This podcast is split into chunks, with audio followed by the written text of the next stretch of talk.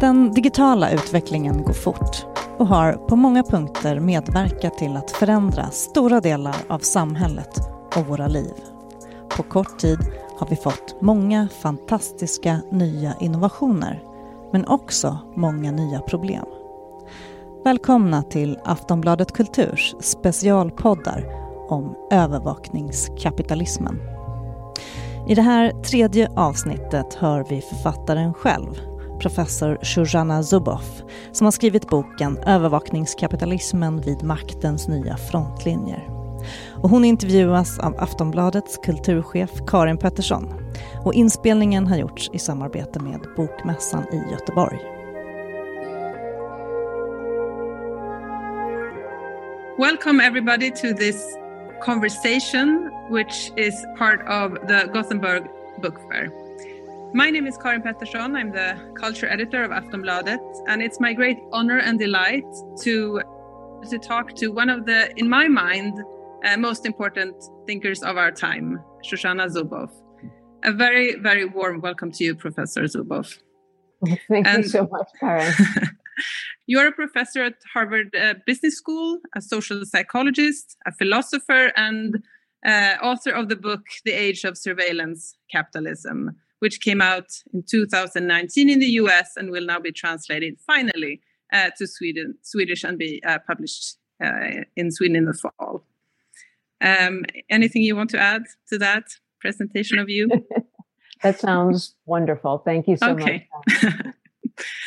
Uh, it's a big chunk of a book uh, uh, with lots of uh, important ideas in it. And I think we need to start with explaining uh, maybe the main concept of the book. And your claim in this book um, uh, is that something transformational happened in the early 21st century in the relationship, as you write, between capitalism, privacy, and human autonomy what is what is this uh, surveillance capitalism that you um, that you call it, and how does it differ maybe from just capitalism? All right. Well, let's start with um, let's start with a little story. So, some of our viewers will uh, recall that in the years 2000, 2001, there was something called the the dot com bust happening in Silicon Valley. So this was a time, you know, the late 90s, the introduction of the internet, the many startups, e-commerce, a lot of excitement, a lot of money, a lot of venture capital. Uh, but suddenly things hit a wall. And there were a lot of really smart young people who had started these companies who were sitting around, you know, with their uh, with their uh, thinking caps on in their in their war rooms with their feet up on the desk trying to figure out how do we make money? We know how to sell stuff on the internet now but we don't know how to make money. How do we make money? And um, and one place that this was happening was a company called google a little startup. Uh, very brilliant founders larry page sergey brin. Uh, very swanky venture capitalist investors and what people thought of even then as the, the best search engine uh, that had come along. And that was even in its very early days. So what they were confronting was uh, they had a great search engine and a great idea, but they were not yet doing capitalism. No revenue, no profit, no growth in that sense. So here we connect with the history of capitalism. In the history of capitalism, you know, we see these eras. And essentially, what's happening that's kind of defining each era and driving capitalism forward is that capitalism evolves by finding things that live outside the market economy, outside market exchange, and bringing them into the market, turning them into commodities, things that can be bought and sold. That's what a commodity is. Okay. So now in the year 2000, the dawn of the digital century, this was a big question. What is there left to bring into the market and turn it into a commodity. You know, industrial capitalism had aimed at nature. So, where we started with things like woods and meadows and rivers, you know, we ended up with sources of raw material, sources of energy. That's what nature became the background for extraction that fed the industrial process for over a century. Well, now, you know, what's left? You've conquered nature, what's left? And the breakthrough answer to that question, Karen, happened at Google in the heat of financial emergency, because it was then that they discovered what was left. Sadly, what was left was us. What Larry Page understood was that devices, every internet touch point, cameras, sensors, whatever that touch point was going to be, including what we do, you know, when we sit down on a keyboard online or now what we do with our smartphones and so on. Every interface with the internet was going to be a place where people left traces of their behavior and that these behavioral traces could be agglomerated, they could be integrated, they could be analyzed. And what he said was that every life, every aspect of human experience will become searchable will become indexable. That was his extraordinary insight. And the way Google turned around very quickly to become uh, not only a capitalist, but an enormously successful capitalist was to put this new logic to work. And specifically, what they did was people searched. And when people searched, there were leftover data that indicated things about their behavior. You know, not only what they searched on, which was important, but how long they spent and, you know, and, and the sequences that they used and, uh, um, what time uh, of the uh, day or, yeah.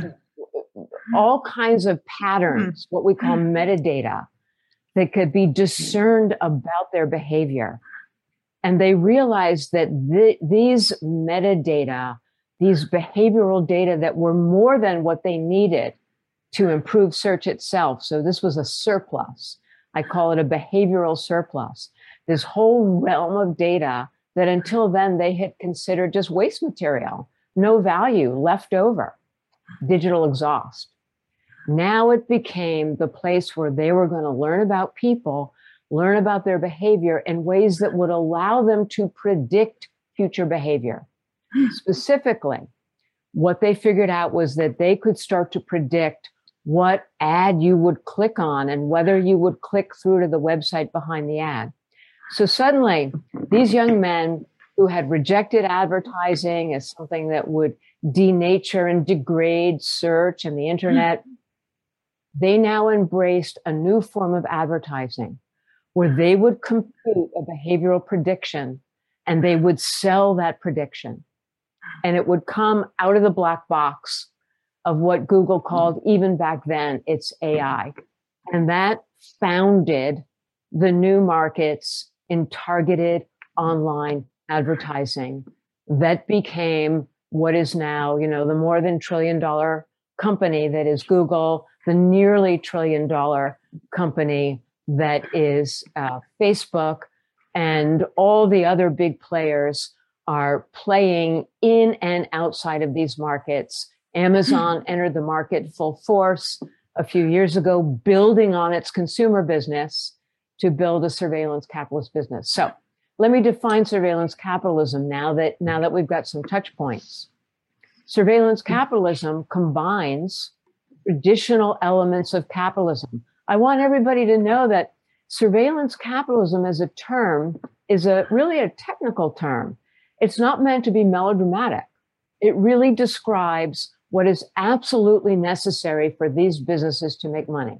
So on the one hand, we have traditional capitalism and all of its, you know, essential elements, uh, revenue, profit, growth, market exchange, private property. Bingo, capitalism.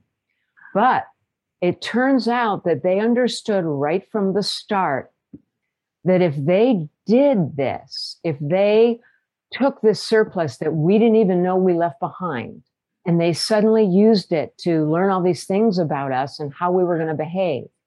And then, of course, they started fanning out on the internet and finding all the behavioral surplus that they could and mm. turning it into, you know, this, this huge data flow that was their predictive base. Well, they understood from the start that nobody was going to be okay with that. It had to be hidden. So, capitalism, yes, but surveillance capitalism, because realizing all of those traditional elements of capitalism now depends on hidden methods of observation, secret methods of observation that uh, in, in ways that are engineered to bypass our awareness these methods invade human experience, experience that until now we thought of as private. Mm. They invade our experience. They redefine our experience as free raw material for their operations of extracting behavioral data. Mm. That's the new commodity. Mm. This behavioral data then becomes the object of an extraordinary transformation because as soon as they extract it, they turn around and redefine it as their private property, corporate assets. And it's those assets that flow through their supply chains into their computational factories, which they call AI and machine learning, and produce predictions of our behavior, which are now sold into markets that trade exclusively in human futures just the way we have commodity markets that trade in, you know, wheat futures or oil futures or pork belly futures. Hmm. Now have commodity markets that trade in human futures. So if you forget everything else that I've just said to you, you can remember this. In surveillance capitalism, personal information is the stolen treasure and surveillance is the getaway car. That's how it works. So I think a lot of people, when they think about this, they have a vague, or maybe now the the level of knowledge is um, people are becoming more and more aware of this, uh, the like foundational mechanisms for this. But I would like you to take, if we think about this one step further, and you write about this in your book, you say the problem here, if we zoom out and think think about this from a societal perspective, and and also from the perspective as from us as citizens is that unequal knowledge about us produces, as you say, unequal power over us, and this creates a distance between.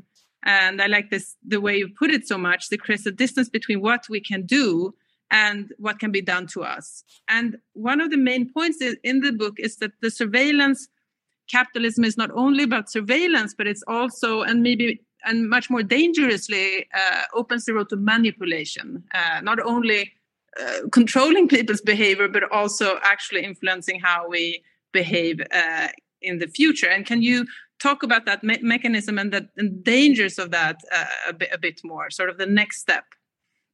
So it turns out that when human life is the commodity, everything changes. So think about it this way you know, how did things get so out of control? There are a, a, a, whole bunch of reasons, and I won't go into all of them. So you can you can take a breath, a sigh of relief. we only have half an hour. there are at least 16 reasons that I go into in, in yeah, depth in the book. I know. And I won't I do that right now. But I recommend everybody to read the book. So read the whole thing. Yeah but um, there are a couple of reasons that are really, you know, at the very top of the list that we need to mm-hmm. understand. One of them is that this thing is so unprecedented that you yeah. know something is truly unprecedented. You can't imagine it. there are no categories in your mm. mind to mm. imagine something that has never happened. Mm. You know, we face this problem with climate change, with global warming. Hmm. that what what is happening to our earth is unprecedented And people who understood it have been begging us, pleading with us for decades. Please, please take action, understand this. But it's so unprecedented hmm. that it has really been hard for us to grasp. And so what happened? You know, it takes the extreme weather, the flooding, the wildfires, the deserts, the, you know, the, the rising oceans. So, so that only when we experience it can we finally imagine it and hmm. begin to think forward and begin to mobilize. Hmm. Well, something like that has happened here. Uh, but now we're talking about not the physical earth, but actually society itself. Hmm. And it turns out that when personal experience, always assumed to be private, is secretly extracted as free raw material, as the, as the new commodity for private economic operations, hmm. everything changes. And the first thing that changes is the wholesale destruction of individual privacy. That has already occurred, and that's occurred over the past two decades as surveillance capitalism has rooted and flourished.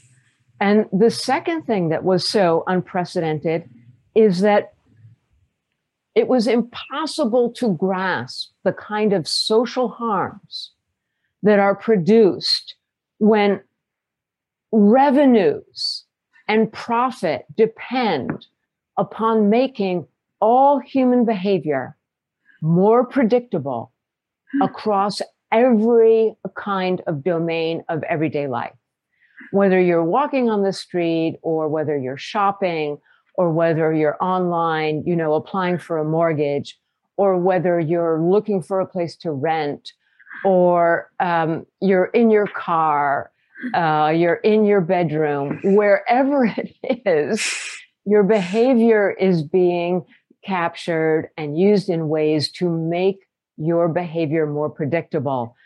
The more they can make your behavior more predictable, the better their predictions are, the more money hmm. they make. So you put these two things together. Uh, we have no more privacy. They've come into our experience.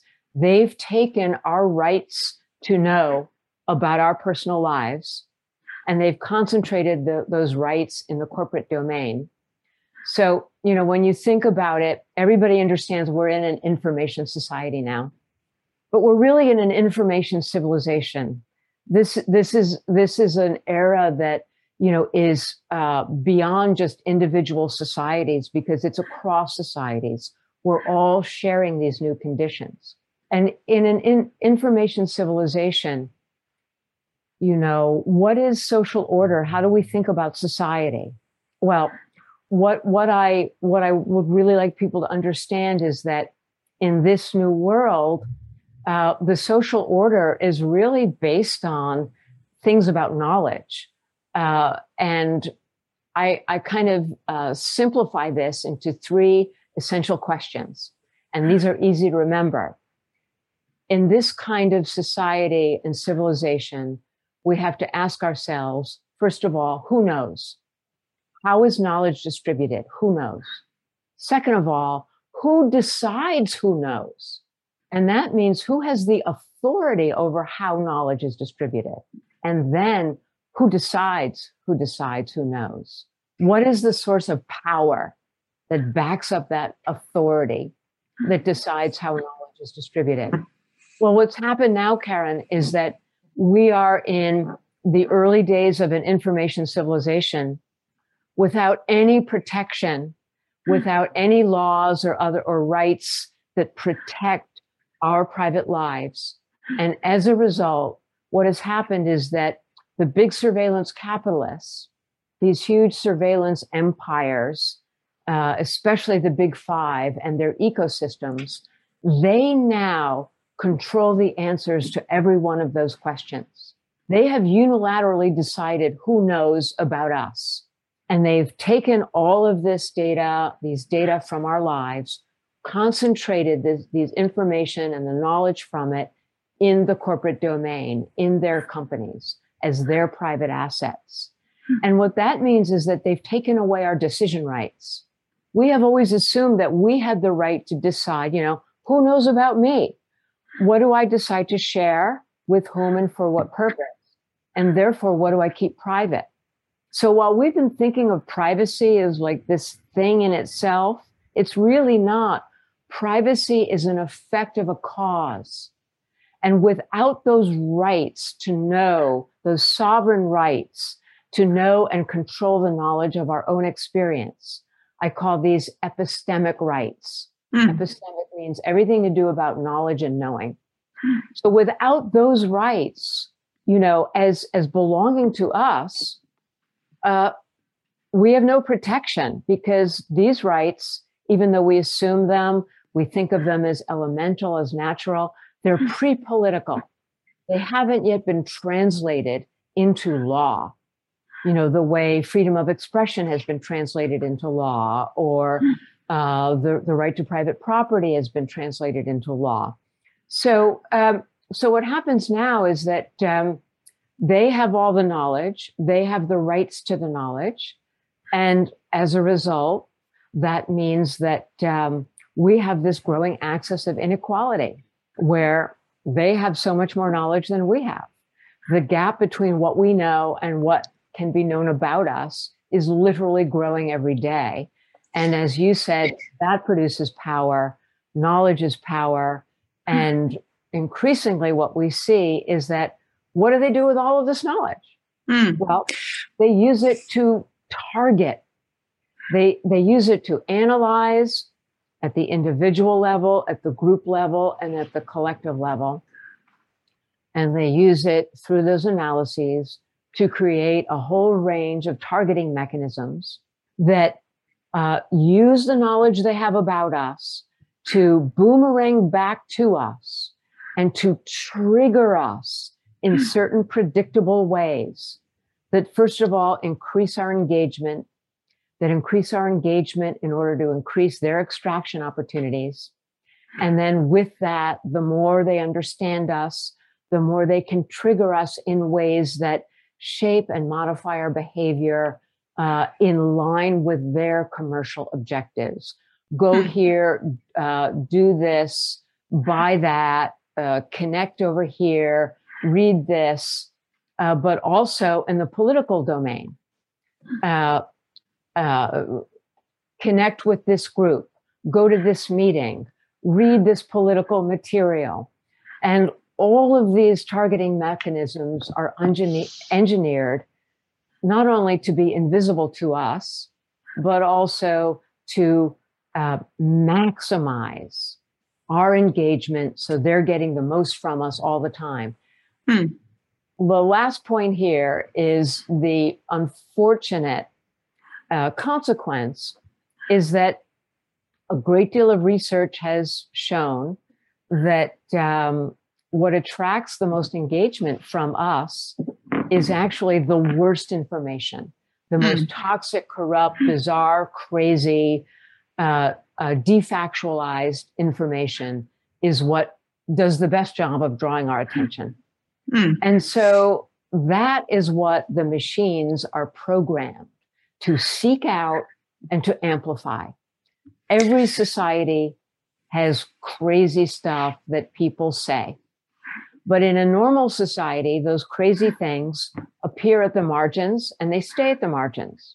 But now what's happening is that all of our interface with the internet, every single touch point, everything we do, getting our our test results from the doctor's office, getting our grades from the school, the, our children's grades from the school, whatever we do, we are marching through these institutional mechanisms, these hmm. supply chain interfaces, and we can't escape it. So now what happens is uh, we are uh, everywhere we look, you know, we are exposed to these operations that are intentionally amplifying the most corrupt and toxic content hmm. that should be left at the margins is being thrust into the center of social discourse on the internet in social media. And that is having a huge corrupting effect on our societies um, that we can of course talk about in more depth if you choose. So the bottom line here is that surveillance capitalism which begins with you know this fast track to revenue and monetization discussed earlier actually turns out to be something far more um, penetrating and uh, consequential for society than a merely economic operation. Instead of producing economic harms, it produces social harms. And these social harms are changing our society. They're changing the distribution of knowledge, authority, and power in our society in ways that are profoundly anti democratic. So they have the rights. We are robbed of our rights. They have the knowledge. It's taken from us, but it's not used for us. Uh, we have an expectation of greater democracy in the digital era, democratization of information, where in fact we have greater inequality and uh, uh, concentration of knowledge in the hands of the few instead of the democratization of knowledge in the hands of the many. And finally, this pernicious effect on our societies, which is weakening democratic institutions, making democratic discourse almost impossible uh, in the uh, in the internet domain, which of course has knock-on effects throughout our society in the real world. So the question that arises from that description that I personally uh, very much agree with, and I think you can observe in the, in the, in the political sphere uh, in, in many ways, but is the question that arises is you have these enormous uh, entities, these companies uh, with a massive then also lobbying power that comes with great wealth and this informational um, um, well the strength they have in that sphere. And and then you have democracy. And what do do you believe that the democracy does it have the tools to fix this? Because what you're describing is this downward spiral uh, weakening of democracy at the same time when we need the, the democratic institutions or mechanisms to come in and and create something new that works in in the information age or in the age of surveillance capitalism. So do we have the tools or is it is it too late what do you think well um, i'm i'm so glad that you asked this this question Karen, because it's um, you know it is an essential point that everybody really really needs to understand um, I'll, I'll, I'll begin by jumping to the conclusion, which is it is not too late. It's exactly the right time, and there's mm. no time to waste. Okay, I'm glad. So, so okay, I'm relieved. That's the conclusion. Okay, and, good. Okay, so let's be really, really clear here. What I have described is a revolutionary takeover of the key uh, dimensions of social order in our time. This revolutionary takeover, I call it an epistemic coup, a revolutionary takeover of everything that concerns knowledge knowing. How did this revolutionary takeover occur? Well, in large part because, as we said before, we didn't see it coming. And because we didn't see it coming, we didn't do very much about it so democracy and you know people uh, i'm about to say democracy has been asleep at the wheel for the last 20 years and of course you know um, folks uh, watching us will say well hey what about gdpr and what about data protection and all of these things we've been working on? Yes we have been working on them. It's not that you know we've done absolutely nothing but the point is that um, we worked on them in a way that, uh, in my view, and um, uh, uh, my my dear dear friend, uh, uh, a man who I respected enormously, Giovanni Buttarelli, who was the. European data uh, protection supervisor until he he passed away a couple of years ago, an untimely death.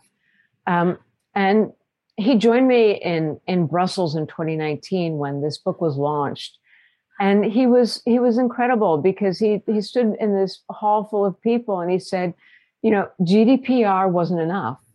We thought that it was going to do the trick, but in fact, we didn't adequately understand the deeper story of surveillance capitalism. And if we had, we would have seen that GDPR was only the beginning. We need to do much, much more. We need to, you know, focus on the fundamental illegitimacy of this massive scale extraction of human generated data. That is what, you know, is the, the sort of illicit, illegitimate bed of sand on which this whole economic edifice uh, has been built. So ultimately, we're going to have to go after extraction uh, in order to interrupt and outlaw these operations. But I think the key point here um, that's relevant to your question, Karen, is that there is a paradox. Surveillance capitalism aims to weaken democracy. Increasingly, uh, companies are using their power and what I call epistemic dominance, kind of the most recent stage of the coup. And that is where they're really showing their willingness to go head to head with democratic governments and democratic officials over the rules and the values uh, and even the legal principles that will um, that will dominate in a democratic society. In fact, they're showing more and more that their true objective is to substitute computational governance uh, for democracy, for democratic governance, to substitute uh, their information systems for our systems of rights and laws. And uh, we, we see evidence of this uh, uh, popping out now more and more uh, frequently as they feel more and more empowered uh, and audacious uh, to really uh, intervene between citizens and their democratically elected governments. So there is a paradox.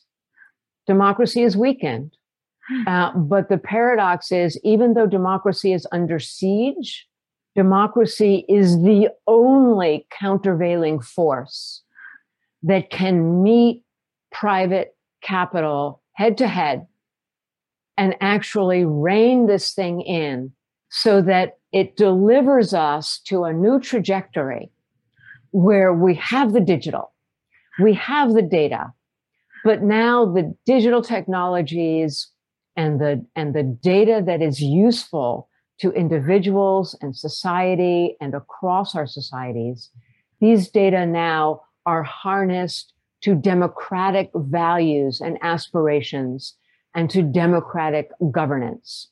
So finally, uh, we decide about our personal experience, what is shared with whom, for what purpose, what remains private. Uh, but we can certainly share, you know, for example, anonymized health data that's going to help in the cure for uh, critical diseases. And we can share data about our life in the city that accrues to uh, democratic affiliations uh, and uh, democratic institutions that live under uh, public law. And so they're transparent and we all participate in their governance. And uh, in this way, we can uh, pull ourselves, you know, in, in the same harness to create databases that help us improve our cities and our neighborhoods in the hmm. ways that we as citizens and residents choose through democratic processes. So the crazy thing that's happened, Karen, is that over the last 20 years, as surveillance capitalism has rooted and flourished, the liberal democracies of the world have failed to create their own vision of a hmm. democratic digital century, of a hmm. way of designing and deploying the digital that advances the democratic form of government and of, of values and aspirations. That failure left a void and surveillance capitalism filled the void. And it's, it's useful to know from a geopolitical point of view that, you know, the Chinese, for example, have acted very differently. They did uh, create a vision, a very specific vision of how the digital could be used to advance their form of authoritarian government. Mm. And they have made that vision central to their domestic and their foreign policies. But as liberal democracies, we have failed to do something similar. Now is the time. You ask if it's too late. In my country, Karen, in the United States, uh, when we look at this industrial capitalism, you know, the early phases of industrial civilization and industrial capitalism, the owners, the employers had all the power on the strength of their property rights. And the economic harms they produced fell on workers and consumers. But there were no workers' rights. There were no consumers' rights. In my country, those rights were not codified. Remember, we talked about epistemic rights as pre political, not yet codified. Workers' rights and consumers' rights in my country were not codified until the fourth decade of the 20th century, the 1930s. And yet we created the uh, charters of rights, the regulatory paradigms, the legal frameworks, and the public administrative institutions to oversee and enforce. And we did hmm. it And ultimately, we tethered industrial capitalism to democracy in a way, uh, both in, in North America and in Europe, that allowed uh, a relative equilibrium, that mm-hmm. allowed ultimately a middle class to grow and to flourish, mm-hmm. and, and many other public goods as a result of this equilibrium. Mm-hmm. That is the work that confronts us now. Only politics can achieve this work. Hmm. Everyone has to be mobilized. Everyone has to join this effort. This is the critical work for lovers of democracy, for warriors for democracy in our era to hmm. now create the new charters of rights, the new regulatory paradigms, hmm. and the new laws and institutions that protect us and promote democratic uh, life, uh, democratic communities, democratic governance in the digital century. That's the challenge. We are on the, we are just at the very beginning now of the third decade mm. of this digital century. And it is my view that this decade, Karen, is absolutely essential. We've got to turn the trajectory, first of all, away from the iceberg of the autocracy of uh, surveillance capitalism and now back toward democratic governance Hmm. And once we do that, and by the way, this is an operation that is already underway, both in Europe and in North America. Uh, once we do that, uh, we begin to lay out the rights and the laws and create the institutions that will keep us safe. That is the work of this decade. As I said before, we have no moments to spare because if we wait another decade, uh, this effort will become infinitely more difficult than it is right now. Thank you, Professor Zuboff. I that's um, I, I, wish we could talk about this for hours, and uh, I uh, found your find your work, as I said, extremely fascinating. And this book, I wish everybody would read it. I'm very happy it's coming out in Swedish now, and I'm so sorry, but that we have to end it here because uh, there's so much to talk about. But of thank course. you so much for your time and um, really, really appreciate it. Thank you. Thank you so Thank much, you. Karen.